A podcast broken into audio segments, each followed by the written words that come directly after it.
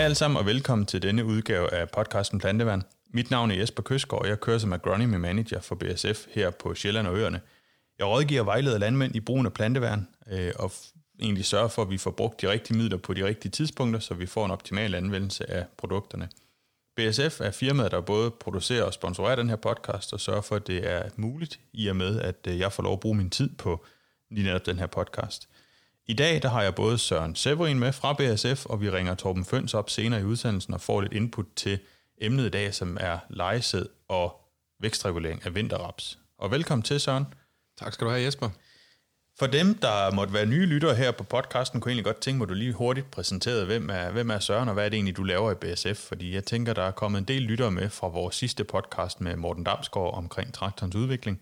Så hvis du lige vil, vil kort introducere dig selv, Søren. Tak Jesper. Jeg arbejder som, uh, som crop manager for Norden og Balskum, og har afgrøderne raps, og jeg har bælplanter, og så roerne som mit område. Og min opgave består i, at, uh, at jeg hjælper sammen med, med de enkelte repræsentanter, vi har i, i landet, i form af også uh, ligesom dig, Jesper, mm. hvor vi sammen så udvikler uh, de løsninger, vi har til, til landmændene, både dem, vi har nu, men også dem, der kommer på sigt. Og vi forsøger hele tiden at og, uh, også sørge for, at vi har nogle værktøjer til, til udfordringer, der er, også i overmorgen. Mm. Øhm, og det er sådan set vores, øh, vores opgave, at sammen at udvikle det her, så vi har de bedste løsninger til landmanden. Ja, og hvis vi skal snakke, øh, snakke raps nu her øh, til, til den her sæson, så kan man jo sige, det er jo ikke, det er jo ikke rapsmarker, der ligner sidste forårs rapsmarker. Øh, man kan sige, at udviklingen har jo været, været stærk, og hvad er det, du oplever, når du er i, i rapsmarkerne nu her til, til forår 21? Det er jo, det er jo en hel kontrast til, til, til sidste års raps, øh, hvor, hvor det var de der meget, meget våde forhold der i efteråret 19.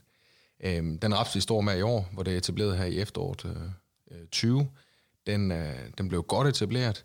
Øh, der var lidt tørt nogle steder, øh, men øh, vesten den kom, regnen den kom, og øh, der står vi så her med en flot fremspiring, og faktisk også en fremspiring, der har været... Øh, øh, mere end forventet. Så det plantetal, vi har nu her øh, til det her forår, vi løber ind i 21, det er faktisk øh, noget højere end forventet. Øh, og afgrøderne er generelt meget kraftige. Øh, et rigtig, rigtig stærkt udgangspunkt, vi har til, til kommende høst. Mm. Øh, flotte rapsmarker øh, generelt. Ja, det gør der så faktisk også gældende over på vintervede. Nu var vi til forsøgsmøde med Seges, der havde været ved at undersøge de her NDV-indekser på, på vintervede specielt, og de var jo faktisk ude og varsle, at der var risiko for, at vi fik et lejsadsår til 21 på vintersiden, og det kan vi jo så overføre indirekte til rapsen, at det er jo det samme, vi ser på, på vores rapsmarker. Når vi snakker ind i rapsen, så er der også sket en, en udvikling i forhold til genetikken, vi har ude på rapsmarkerne. Øh, der er sket et skifte i i nogle typer sorter over til nogle andre. Kunne du prøve at give en, et kort opsummering på, hvad vi, hvad vi ser genetisk sået nu her? Jamen altså, de rapsorter, vi, øh, vi normalt dyrker i, øh, så Danmark her, vi er jo meget, meget hurtigt til at og også at tage nye sorter, nye genetikker ind i vores dyrkning. Og det gør også, at, øh, at de sorter, vi dyrker, vi holder måske en to-tre år. Dem, vi kommer fra nu her, de har måske kørt i en fem års tid den type af genetik. Øh, det nye, vi så har nu her, det er nogle, nogle helt andre typer, end vi er vant til. De er meget kraftige voksne. De bliver også meget, meget kraftige til høst. Vi så det også selv i forsøgene sidste år, selvom rapsen ikke var så stor i højden øh, i, øh, i sæson 20. Så de her nye øh, sorter, som er blevet meget udbredt øh, til den kommende høstsæson, de var betydeligt kraftigere, både i forårsvækst, men også til frem til høst, øh, hvor det er meget, meget kraftigere. Mm. De de er så heller ikke øh, så sene, som vi har været vant til, nogen sorter har været. Øh, så, så lidt tidligere med et endnu højere udbyttepotentiale, men så også en meget, meget kraftigere øh, afgrøde generelt. Så det er sådan set de nye sorter og den nye genetik, vi, vi kommer ind i nu. Ja. Så man kan så sige, udover at skulle vækstregulere, når vi, når vi kommer til det tidspunkt på året, så har vi jo også noget lys bladplet, der har været snakket meget om i forhold til til sygdomsbekæmpelse i rapsen tidligt. Er det noget, vi skal regne for noget? Er det noget, vi skal være opmærksom på i forhold til, til rapsens udvikling og tidspunkt for, for kørsel af blandt andet vækstregulering? Jamen altså, vi, vi, vi kender jo øh, lys bladplat fra, fra Skotland især, også fra England af, hvor, hvor det er en sygdom, der betyder rigtig meget.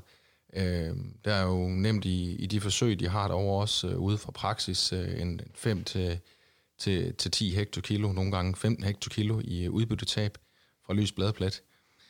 Øh, men under de danske forhold, så ja, vi har, øh, vi kan have lys bladplet nogle steder, men det er ikke, øh, ikke noget, der er øh, så kraftigt øh, og så kraftigt angreb, som vi kender det fra, fra England af. Øh, det, det vi ser, og vi ser fra forsøg, det er en, en 3-5 hektokilo i, øh, i tab, når der er lys bladplet, også når der er gode angreb af dem. Mm. Men, men den øh, behandlinger, som de, som de laver i, øh, i England, hvor de kører også øh, tidligt forår, øh, der ser vi ikke det samme effekter her for nuværende. Men, øh, men man kan se, at øh, de behandlinger, der bliver udført i svampesprøjtning, i blomstring, øh, de gør faktisk rigtig meget under de her forhold, vi har for lysbladplet. Ja. Øh, så det er nok mere der, under, under det danske forhold, så er det nok mere valgt af produkt til, til svampekæmpelse i blomstring, man skal se på der, hvis ja. man har lysbladplet. Ja, og det er jo, man kan sige, får du meget, meget, meget voldsom angreb af lysbladet på det foråret, så vil vi jo stadigvæk anbefale, at man kunne gøre noget med det helt generelle billede af, at hvis du har nogle pletter enkelte steder, så er det jo ikke noget, vi skal kigge på. Og svampbekæmpelse i blomstring kommer vi tilbage til i en senere podcast, men jeg kan jo sige så meget som, at pyraklostrobin fra det, vi kender komet og aktiv, er jo eminent til lysbladplet, og det, det kommer vi ind på, når vi, når vi når til den behandling i sæsonen. Helt, helt enig. Altså det, det er også igen for, for at understrege det, vi indledte med, at øh, vi udvikler også løsninger, der på sigt kan håndtere det her, og, øh, og med, med det, som vi kommer ind i et senere podcast, så, så har vi faktisk et produkt, der kan gøre det under de her givende forhold, vi har i Danmark. Præcis. Kigger vi lidt ind i, i, øh, i vækstregulering kontra øh, svampsprøjtning, så kan man jo sige, at vi ved jo også, at mange af vores svampemidler, vi kan køre med tidligt, har vækstregulerende effekt, men ikke noget, som hvad kan man sige, kan holde planten på samme måde, som vi kan med Carex. Øhm, så, så det her med at erstatte, hvis, hvis du får et, et stort angreb af lys bladplet, og gå ind og erstatte vækstreguleringsmiddel med et svampmiddel, er jo ikke, er jo ikke en løsning, der mindsker risiko for lejesæd specielt markant. Så det er jo noget, du skal tænke, i min verden i hvert fald, at du har Carex som vækstreguleringsmiddel, og så fylder du svampmiddel oveni for at opnå svampeeffekt. Det er ikke den anden vej, at du tager noget ud for at lave en svampesprøjtning plus vækstregulerende sideeffekt. Øhm, så, så det er to forskellige ting, vi skal tænke, men ligger nogenlunde på samme tidspunkt, så det er vigtigt, at man har sin strategi klar, hvad er det, vi vil med den behandling, vi laver. Kører vi øh, videre og snakker lidt forsøg om et Carix, så, øh, så kan jeg jo stille dig lidt fræk spørgsmål, som, som jeg tit får selv også. Det er jo, når vi laver forsøg med Carix i småparcel, så finder vi ikke nogen mere udbytter. Har du nogen øh, sådan forklaring på, hvorfor er det, vi ikke kan finde det i raps? Generelt så øh, er forsøg i raps øh, med småparceller meget, meget svært at, at finde nogle forskel her. Øh, og hvis man finder nogle tendenser til forskel, jamen, øh, så kan det godt være, at der er, er under praktiske forhold så endnu større forskel, altså virkelig signifikante forskel. Mm. De her småparceller, man laver, der får man slet ikke, slet ikke markeffekten med af en afgrøde, der både kan være, at den hænger lidt, øh, som kan betyde rigtig meget for, for udbyttet, men også øh, hvor den går i leje, øh, som er mere sporadisk i, i markerne, som vi også kender fra korn også.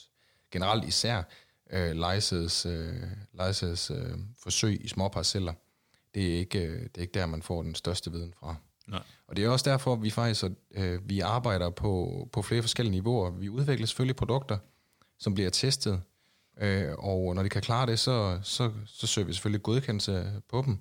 Og derefter så bliver der lavet en masse forsøg, der er både småparceller forsøg, men lige så meget vigtigt som, som det, som agronomy manageren, som som du laver i Danmark og Jesper, det er mm. at undersøge det her under praktiske forhold ude ved landmanden, under landmandens forhold, hvor vi laver de her øh, farm performance demoer. Der får vi virkelig at se, hvad kan produkterne ude ved landmanden, for det er i sidste ende er det landmanden, der skal bruge produktet, og det er ham, der egentlig afgør, om det er et produkt, der virker for ham under de forhold, han har. så, så sammenlagt alle de her ting, vi laver sammen, øh, det giver os en meget større sikkerhed i, at, at øh, både det, vi anbefaler, det, vi udvikler, det virker. Og der kan jeg jo nævne, at øh, dem, der er, der ikke har læst Mark Plus, øh, der har vi jo lidt lavet en, en, øh, en artikel sammen med Sebastian Kusk, som har testet Carix øh, i sin rapsmark i foråret 2020. Og vi lavede jo egentlig et ret simpelt forsøg med 0,7 Carix i et spor, og ingen Carix i et andet spor. Og der er selvfølgelig ikke statistik på det her, fordi vi har en behandling liggende op og ned af hinanden med noget, der ikke har fået noget. Men han havde jo 400 kilo i merudbytte i den behandling, uden at der var lejesæd i rapsen. Så noget af det, jeg også lige tænker, vi skal vende, det er, hvad er lejset egentlig i raps? Øh, fordi der er jo flere grader af det, og vi har jo nogle tal fra England, der viser, hvad er det, vi taber ved at have de her forskellige øh, lejesædstyper i, øh, i rapsmarkerne. Jamen generelt det vi har set ud ved, ved Sebastian, det er jo, det er jo ikke noget, hvor vi har en lejesæde. Altså vi kan jo dele, dele det op i, i rapsen ved, at vi både har noget, der hedder lejesæde, altså hvor det ligger ned ad jorden, øh, gået kraftigt i leje, og så også den anden, hvor, hvor afgrøderne er blevet kraftige, og så begynder at hænge ind over hinanden. Mm. Og det, der sker, når rapsen begynder at hænge ind over hinanden, det er, at så går det ud over lysindstrålingen til de nedre skuldbårs. Og vi ved, at en af de mest afgørende faktorer for et højt udbytte i raps, det er antallet af frø. Ja. Så jo flere frø, jo mere udbytte. Det er ikke størrelsen på frøene, det er antallet af frø. Og det, der er sket ude ved Sebastian, det er simpelthen, at vi har sørget for, at vi har styret væksten på rapsen, således at lysindstrålingen ned i afgrøden i de spor, der er behandlet med Carex, den er sikkert flere antal frø. Og derfor så har han også høstet de her 400 kilo mere per hektar. Ja. Men, men man kan sige, i England, der har de jo lavet forsøg over hvad ADAS på, hvad, hvad koster lejesæd egentlig. Og de har jo forskellige grader af lejesæd, de har forskellige tidspunkter for lejesæd. Ja. Der har de jo under kontrolleret forhold, hvor de har styret øh, hældningsgraden af rapsen under både øh, det, man kalder en let form for lejesæd, altså hvor afgrøden hænger. Øh, der har man fundet, at øh, hvis vi tager udgangspunkt i, at vi høster 4,5 øh, tons raps øh, per hektar, og afgrøden den hænger let, og vi kan sælge rapsen til, til 300 kroner per hektokilo, jamen mm. så koster det 1300 kroner per hektar. Ja, det vil, det vil 4500 kilo per hektar i, i som, udbytte. Som udbytte, man kunne have høstet. Ja. Øhm, og går vi over i lidt mere, øh, en lidt mere hængende afgrøde, altså 45 grader, over så sådan det, man kalder en mellemlejsets øh, type, jamen så er vi oppe i et udbyttetab på over 2800 kroner per hektar. Og ude i den kraftige lejesæde, jamen øh, der snakker vi jo knap 6.000 kroner per hektar, ja. der vil være tabt udbytte. Men så er vi også hen i, at afgrøden ligger ligesom en vedemark, der er gået i leje, altså fladt hen over jorden sådan set. Netop. Ja. Og det er jo kun, hvad det tabte udbytte er. Ja. Der er så ikke indregnet alt det høstbesvær, der er, og den besvær, der er med tærsting. Så alle ved jo også, øh, der kører majtask også en, en uens tærsting og en uens indføring i majtaskeren. Det giver altså meget spild ja. igennem majtaskeren. Ja, et bredt skærebord gør jo også, at du nogle steder er helt nede hen rapsen, mens det løber over skærebordet i den anden ende, øh, når du kører på et ujævnt areal, eller et ujævnt, altså hvor den er gået i leje nogle steder. Man kan også sige, det er jo ikke, det er jo ikke altid, vi ser de her marker gå i leje, hvor det er jo hele marken fra en ende af. Øh, det vil jo altid være nogle pletter. Jeg synes tit og ofte, når jeg har stået og kigget på en rapsmark, nu er det jo ikke lige, frem, lige før høst, man begynder at gå rundt ind i marken, som man kan gøre i en vedmark, men når vi så nogle gange har haft dronen op over, så er det jo tit og ofte langt større pletter, end man egentlig troede var gået i leje, når først man kommer op. Så, så det betyder jo noget, at vi får forsikret det her på den ene eller den anden måde, at det ikke går i leje i hvert fald. Men Søren, jeg synes, vi skal prøve at ringe til Torben Føns fra Hedegaard, øh, som jeg ved har stor erfaring med, med rapstyrkning i det hele taget, og lad os prøve at få, få ham med og få et par kommentarer på, hvordan han tænker lejesæd og vækstregulering i, i raps. Det er Torben. Det er Jesper fra BSF. Hej Torben. Hej. Godt, du kunne være med i en lille podcast her om, øh, om vækstregulering og lejesæd i, øh, i raps. Hvis øh, jeg lige skal starte ud med at, at, at sige, hvem, hvem er Torben egentlig, for at få en kort præsentation af dig? Øh, du, du er ret kendt ansigt, i hvert fald lokalt, men, øh, men, men hvem, øh, hvem er Torben? Jamen, øh, PT der arbejder jeg som øh, plantavlsrådgiver i Hedegaard øh, Agro, og ja. øh, det har jeg gjort tre et halvt år, og der beskæftiger jeg mig meget med få en faglig tilgang, vi skal have til tingene i, i vores butik, og øh, også med at få optimeret på nogle på en masse ting i markerne omkring øh, valg af midler, og hvor vi får mest udbytte af mindst input. Ja. Og inden da, der har jeg været øh, standardskonsulent i Sønderjyllands Landbrugforening i 11 år, ja. og har arbejdet rigtig meget der med øh, raps, korn, og øh, har prøvet at skulle sætte en, en linje for, hvordan vi skulle arbejde med det i, i den her forening. Ja. Og udover... det er sådan, de, øh, ja. Ja, udover de, de, de mere, kan man sige, det her det er, jo, det er jo lidt teoretisk niveau, så har du også noget praktisk erfaring, øh, ved jeg, fra, fra at du høstmedhjælper ja. på, en, på en ejendom, så det er ikke, det er ikke kun teoretisk og forsøgsresultater, du sidder og læser i. Nej, jeg øh, plejer faktisk at gå noget mere op i de praktiske erfaringer, jeg har, og også de praktiske erfaringer, landmændene har, som, som jeg kommer ved. Ja. Det, det er ikke min verden øh, mindst lige så meget værd som en masse forsøgsresultater. Det kan vi og kun jeg er, også uddannet, øh, jeg er også uddannet landmand oprindeligt, og, og har også arbejdet som både, som både øh, hvad skal man sige, øh, grisepasser og som og, og i marken, inden jeg inden jeg blev øh. Og Og hvad, så er det rigtigt, så hjælper jeg en landmand med at høste lidt her hver høst, hvor jeg kører en vejtasker, og så kan jeg få kontant afregning på, om jeg har ramt anbefalingerne i løbet af sæsonen eller ej. Det er faktisk rigtig lærerigt. det kunne jeg godt tænke mig, at øh, der ønsker man i hvert fald ikke, der er lejset, når man selv skal sidde på majtaskeren. Nej, det er ikke lige det, vi går efter. Nej, det kan man roligt sige. Hvad, øh, hvad er dine erfaringer med, med lejesæd i raps? Øh, Altså, ja, eller, eller hvis vi skulle spørge på den måde, er det, hvad, hvad, sådan, hvordan tænker du, hvad er lejesæd i raps egentlig? Ja. Øh, hvordan tænker du det, Torben? Jamen oprindeligt, der tænkte jeg jo lejesædet som, øh, som det, vi kender fra korn, og, hvor vi har et strå, der knækker, og så ligger afgrøden øh, mere eller mindre hen ad jorden, og vi af, hvor slemt det er. Øh, det er jo også lejesædet i raps, kan man sige. Øh, men det er jo den helt slemme form for lejesæd, den der koster rigtig mange penge, hvis man har sådan noget. Det synes jeg jo ofte er sjældent, vi ser, øh, heldigvis. Øh, men, men det er dog sket, at vi har set marker, der går helt ned. Men øh, da jeg var i Sønderjysk Landbeforening, der påbegyndte vi en uh, rapsgruppe sammen med en kollega, og der, der prøvede vi at lave en rigtig mange afprøvninger ude i markerne. Og det var faktisk før, at Karyts blev godkendt, at vi begyndte at interessere os lidt for, om det betød noget, at rapsen den stod og hang ind over hinanden. mm, Altså at planterne står og hænger. Og når de gør det, så er der jo en del af skuldbunden, der ikke får ret meget lys. Øh, og det prøvede vi faktisk at lege rigtig meget med, øh, om vi kunne prøve at finde nogle måder at holde dem stående på. Der er, der er midler, altså slægtsreguleringsmidler jo, jo en af måderne, men den anden er jo at bragt plantetallet ned. Ja. Øh, vi er jo tilbage midt i nullerne, øh, dengang vi begyndte på det her, og, og der så vi jo mange flere planter ud per hektar, end vi gør i dag. Og det er i hvert fald øh, noget, vi har lært dengang, at vi skulle langt ned i plantetallet. Det var, en, det var starten. Men, men så er det også, at hvis man har tradition for et højt udbytte og har en vækst, øh, der, der går rigtig hurtigt, jamen øh, så skal der også lidt hjælp til nogle gange for at kan holde de her planter stående, så alle skulper får så meget lys som overhovedet muligt. Ja. Det, øh, det er i hvert fald været en øjenåbner, synes jeg, at øh, det betyder faktisk rigtig meget, øh, om de her planter står op, eller de står og hænger hen over hinanden. Og hvordan, nu, nu nævner du lige plantetallet. Vi sad lige og snakkede om før det her med, at vi, vi synes egentlig, at vi kommer rundt og ser, at der har været ekstremt flot fremspiring af rapsen. Den er kommet nogle steder to gange øh, grundet tørke i, i forhold til såning, men, men vi har jo fået alle planter med i år, i hvert fald vores oplevelse af rapsmarkerne derude nu. Jeg ved ikke, om det er det samme, du ser, når du kommer rundt.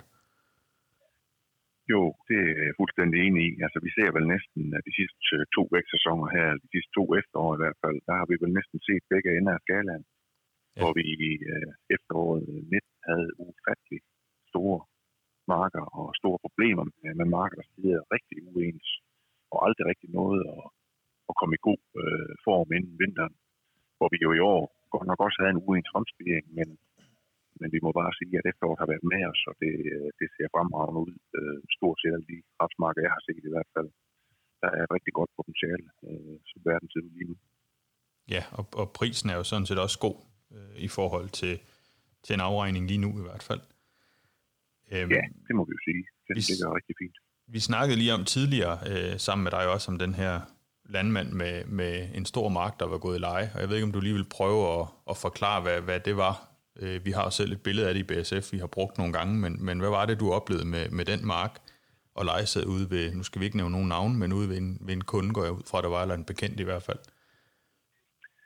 Ja, men altså, jeg, jeg huserer jo meget på i det sønderjyske, kan man sige, og, og især på den østlige del af, af Sønderjylland, der, der har vi jo tradition for rigtig gode rapsudbytter.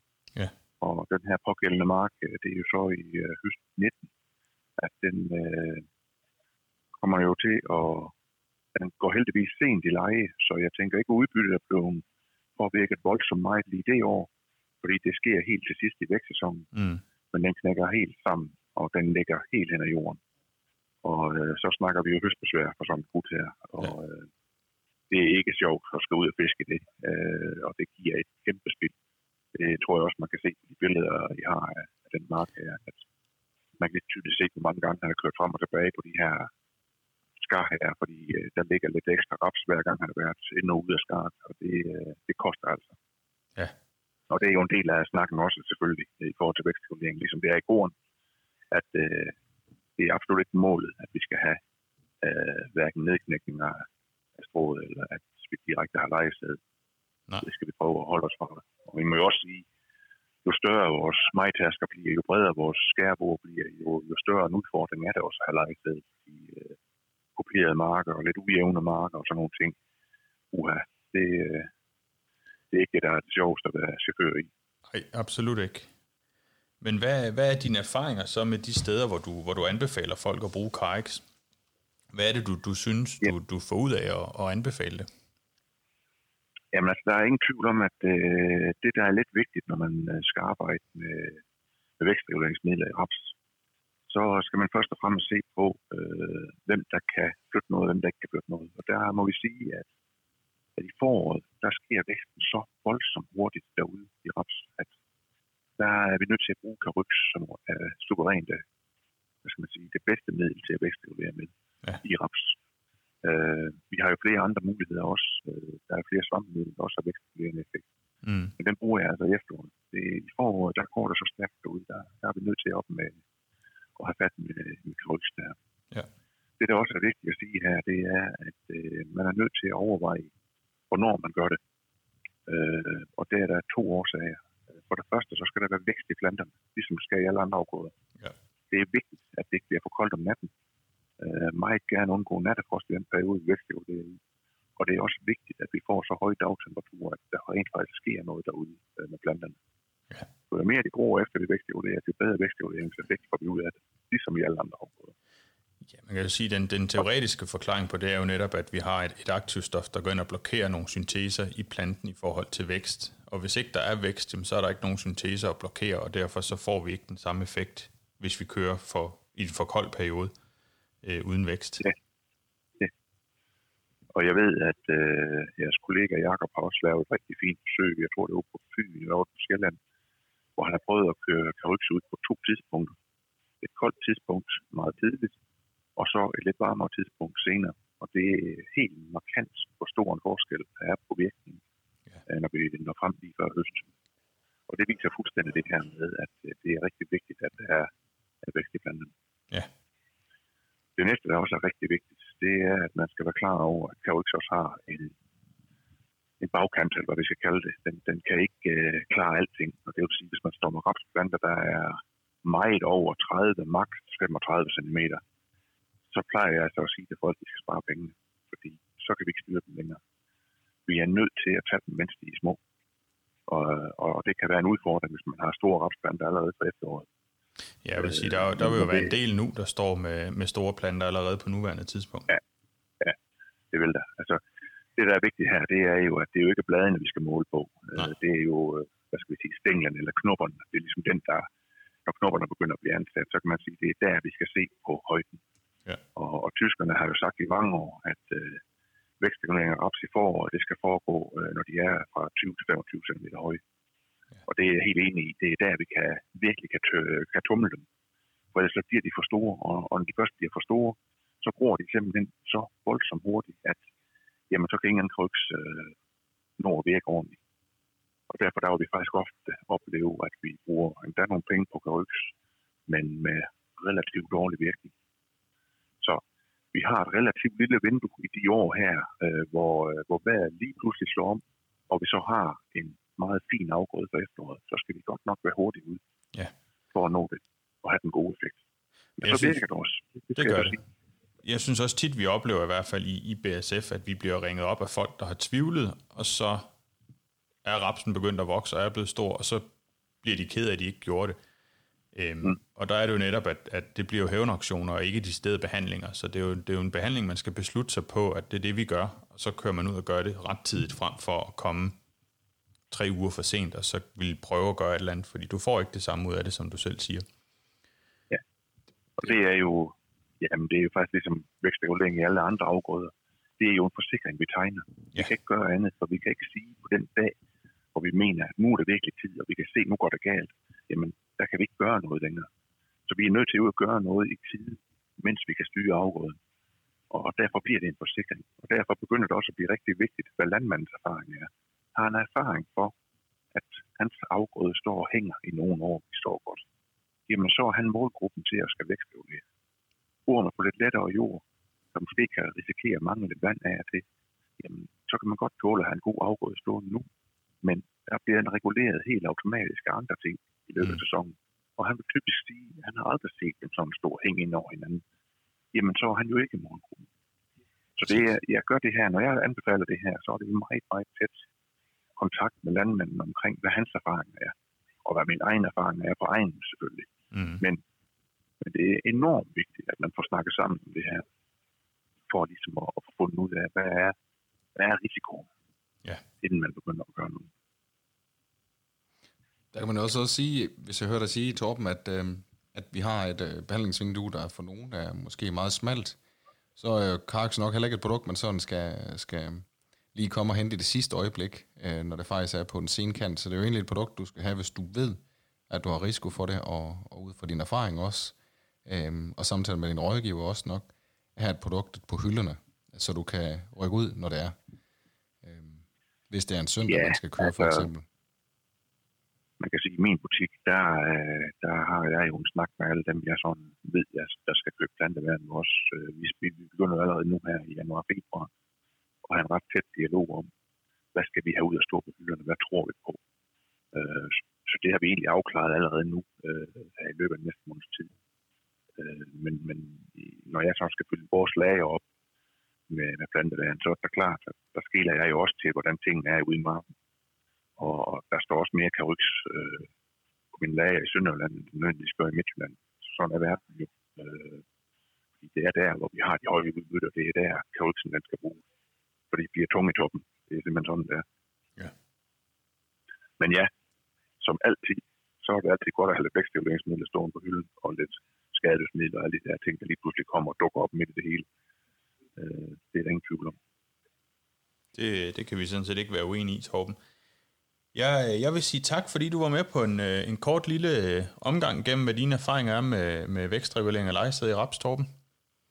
Jeg synes faktisk, vi mangler en ting, Jesper. Ja, jamen, endelig, endelig. Øh, det er fordi, at øh, jeg snakkede tidligere om, at vi havde prøvet at, at bruge lidt nogle afprøvninger ude i nogle rapsgrupper, vi har haft øh, Ja. tidligere i mit øh, tidligere job her. Og der har vi også målt på, hvad det her det betyder med, at de står og hænger ind over hinanden. Og det vi fandt ud af dengang, øh, det var jo, at øh, hvis vi havde et år, hvor afgrøden blev så stor og, og øh, var så tung, at den gjorde det, så fik vi et sted mellem 200 og 700 kilo for at vækststimulere. Ja. Det er jo simpelthen det, vi kunne få ud af at holde den stående. Og det er det, jeg synes, der, der overrasker rigtig mange, som også overraskede mig dengang. Det er, at folk de tror ikke, det betyder noget, at rapsen den står og hænger. De ser det som et tegn på, at den står godt, og det er jo også rigtigt. Ja. Men de glemmer bare, at det koster udbytte at have en rapsplant, der står og hænger ind over hinanden. Så der var altså et sted mellem 200 kilo frø og 700 kilo frø at hente i de der 4-5 år, vi legede med det her. Så det gør bare, at der er rigtig god økonomi i at, øh, at bruge vækststimulering i forår i vinterraps, hvis man har erfaring for, at ens afgrøde står og hænger. Ja, Det er jo Det også... skal være beskeden, når man lige øh, snakker om det her emne. Ja, når du siger hænger, så er det jo faktisk ikke det, som du også startede med at sige. Det er jo ikke den lejesæd, man kender det fra korn. Det er jo netop den her med, at, at toppen står og hænger ind over hinanden og skygger for, for hvad der måtte være under den del af planten. Nemlig. Ja. Det drejer sig om, en rapsplant den skal stå lige op og ned, så alle skulper får mulighed for at få så meget sollys som overhovedet muligt. Ja. Og hvis de ikke gør det, så har man i princippet lejesædsproblemer i raps. Ja, altså Torben, 2-7 hektokilo øh, per hektar, det er, jo, det er jo meget nemt at måle på med de rapspriser. Det er jo, det er jo omkring din, en 600 kroner og så op til over 2.000 kroner i, i tab per hektar af frø, der egentlig var derude, men øh, man ikke fik udnyttet. Øhm, Ja. På grund af, at det hænger Og det er lidt. også vigtigt at sige, at øh, det er jo ikke fordi, vi får høstproblemer ud af det her. Der er måske endda nogen, der vil sige tværtimod. De bliver mere behagelige at høste, og der er måske også øh, lidt nemmere at få, få tingene ind i maskinen, hvis de står og hænger ind over hinanden. Men problemet er bare, at de frø, der ikke får lys nok, de bliver ikke store nok. Og det betyder bare mere, end man lige går og regner med. Det, øh, det er nok den øh, melding, jeg gerne vil have ud til folk. Det er altså, at det skal vi tage mere seriøst, end vi gør i dag. Mm.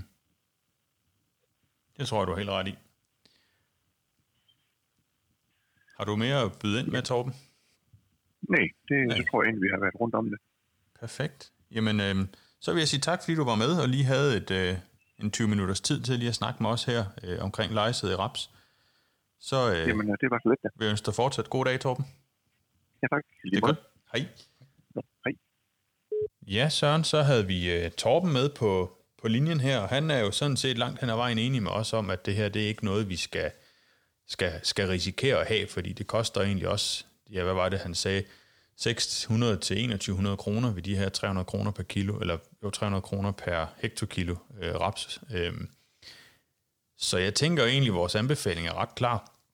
Når der er vækst i afgrøden, når vi har en stængelhøjde på 20-25 cm, der er det, vi skal ud og tænke på at køre med Carex. Øh, det er meget vigtigt, det her med væksten, at vi ikke har frostvær specielt. Vækstregulering af frostvær er altid no-go, uanset hvordan vi vender og drejer det, men men en dosering på 0,5 til 0,7 Carex er jo det, vi vil gå ud og anbefale herfra. Også som Torben han siger, det går stærkt, når rapsen begynder at gro, og vi skal sørge for, at vi kan holde den, holde den ved jorden og holde den i det, det tidsrum, vi egentlig ønsker, at den skal, den skal holdes nede.